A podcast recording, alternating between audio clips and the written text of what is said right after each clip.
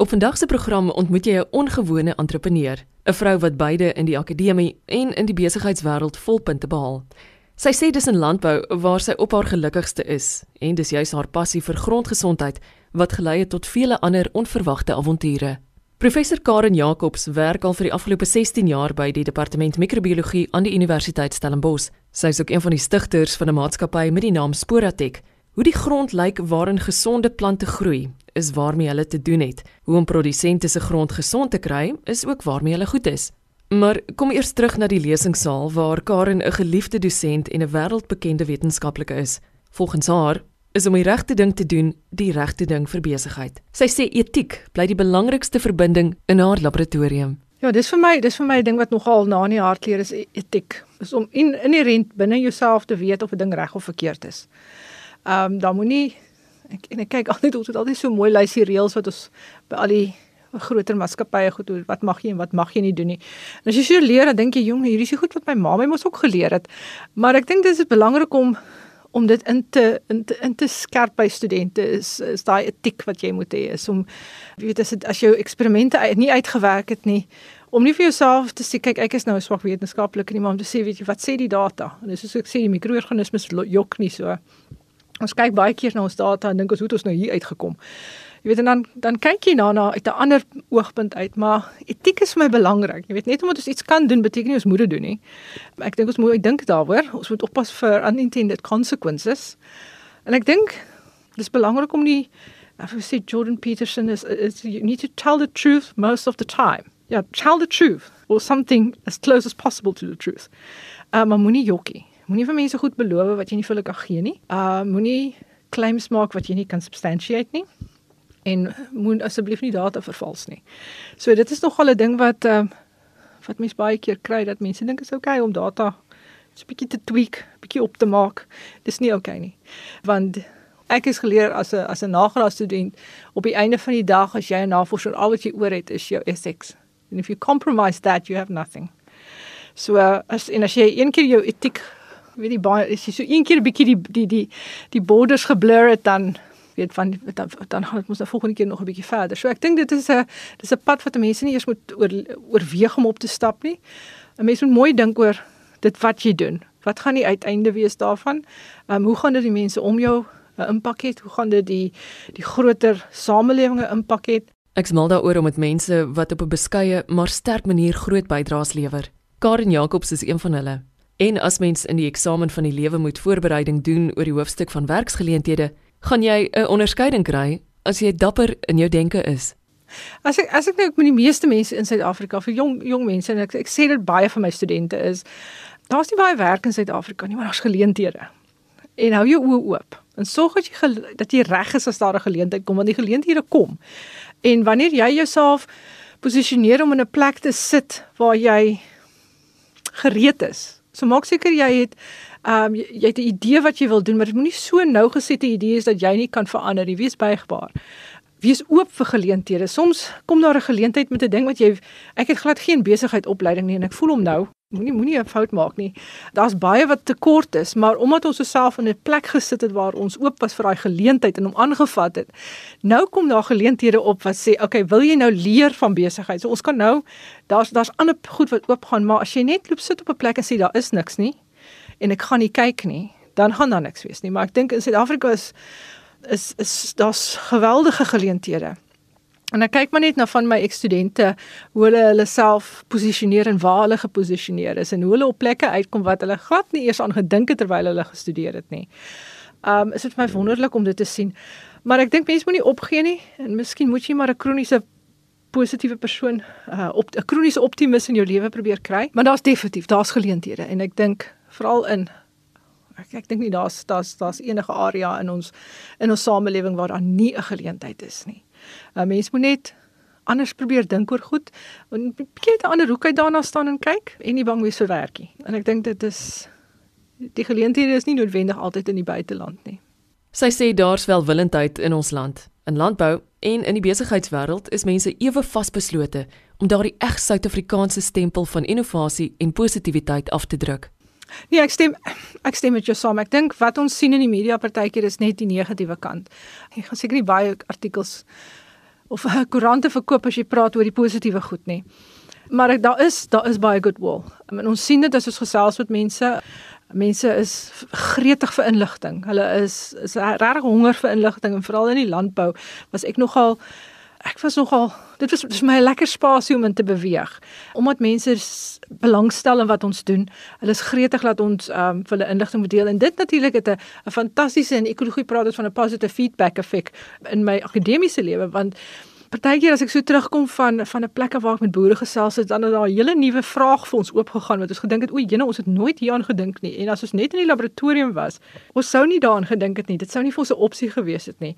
En ek wil nie nou eintlik praat oor al die tegnologie wat ons besig is om te ontwikkel nie, want ek dink ek gaan in die moeilikheid kom. Maar ons is tans besig om om nuwe tegnologie te ontwikkel in die laboratorium vir landbou, spesifiek vir landbou wat ons praat van om risiko-analises te doen. Ons is besig om goed uh, so op te stel dat dit regtig high throughput technologies is. So ons ons die die omkeerdatum gaan vinniger wees. So ons probeer dink dat dit 'n soort van 'n pathcare arc vir landbou. Want ek meen ek weet nie wanneer laas jy in 'n ongeval in eintlik was nie. Dis my fascinerende plek om te wees, ongevalle by die hospitale.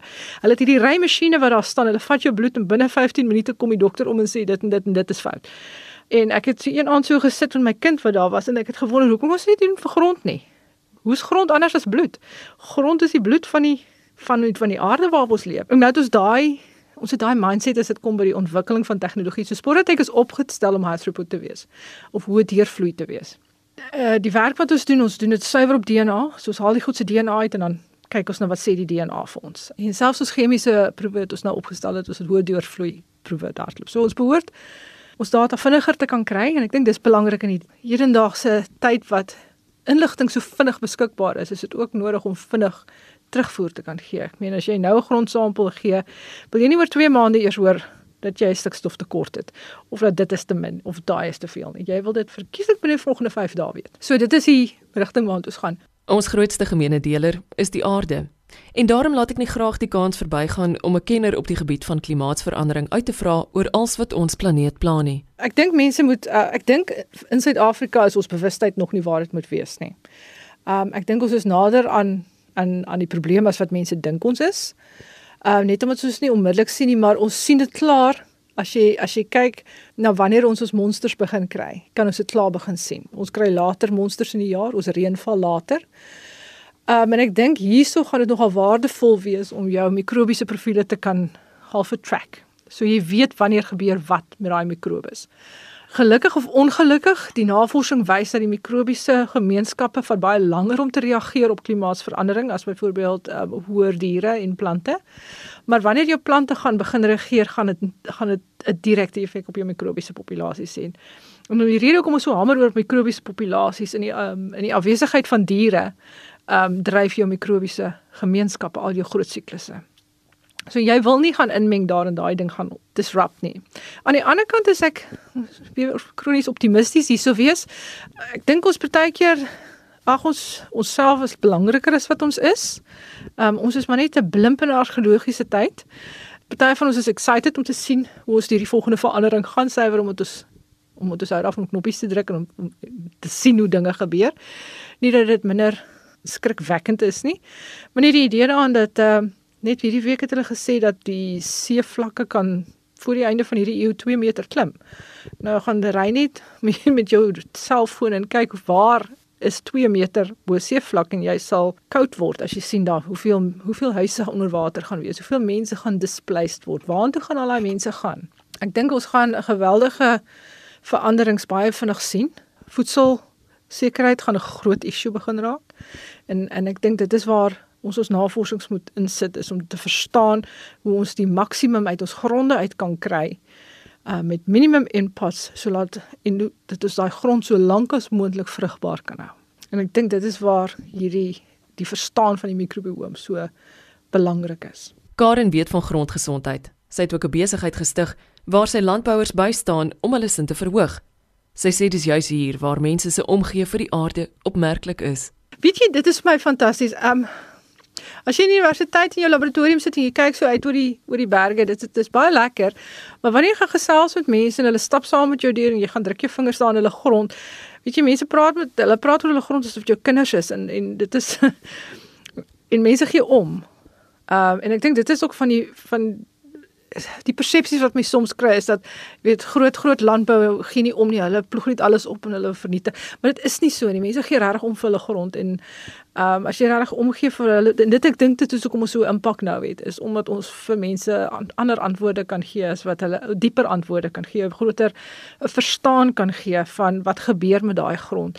Want ek dink dit moet nogal skrikwekkend wees om om te sien hoe iets agteruit gaan en jy kan nie verstaan hoekom nie. Maar dit is altyd vir my 'n baie positiewe ervaring om te sien hoe mense praat oor en ehm um, ek wil nou nie name noem nie, maar hier is is 'n boerie in die dis nie Swartland nie, dis daar naby Grabouw ja, wat allerlei eksperimente op sy plaas het. En is is ons het nou eendag amper 3 ure lank met hom gesit en gesels oor wat hy doen en hy het al hierdie toetse by ons nou doen en net dat hy kan sê hy het nie vir ons gesê wat hy gedoen het. Ons het net die goed blind gekry en toe ons met hom sit en gesels en hy verduidelik vir ons maar hierdie mikrobiom lyk like so wat ek het dit gedoen en daai kan ek wat hierdie verklaar. Dit was vir my baie lekker ervaring en net om te kan sien dat die wetenskap praat met dit wat prakties gebeur op die veld. Professor Karen Jacobs werk al vir 16 jaar by die departement microbiologie aan die Universiteit Stellenbosch.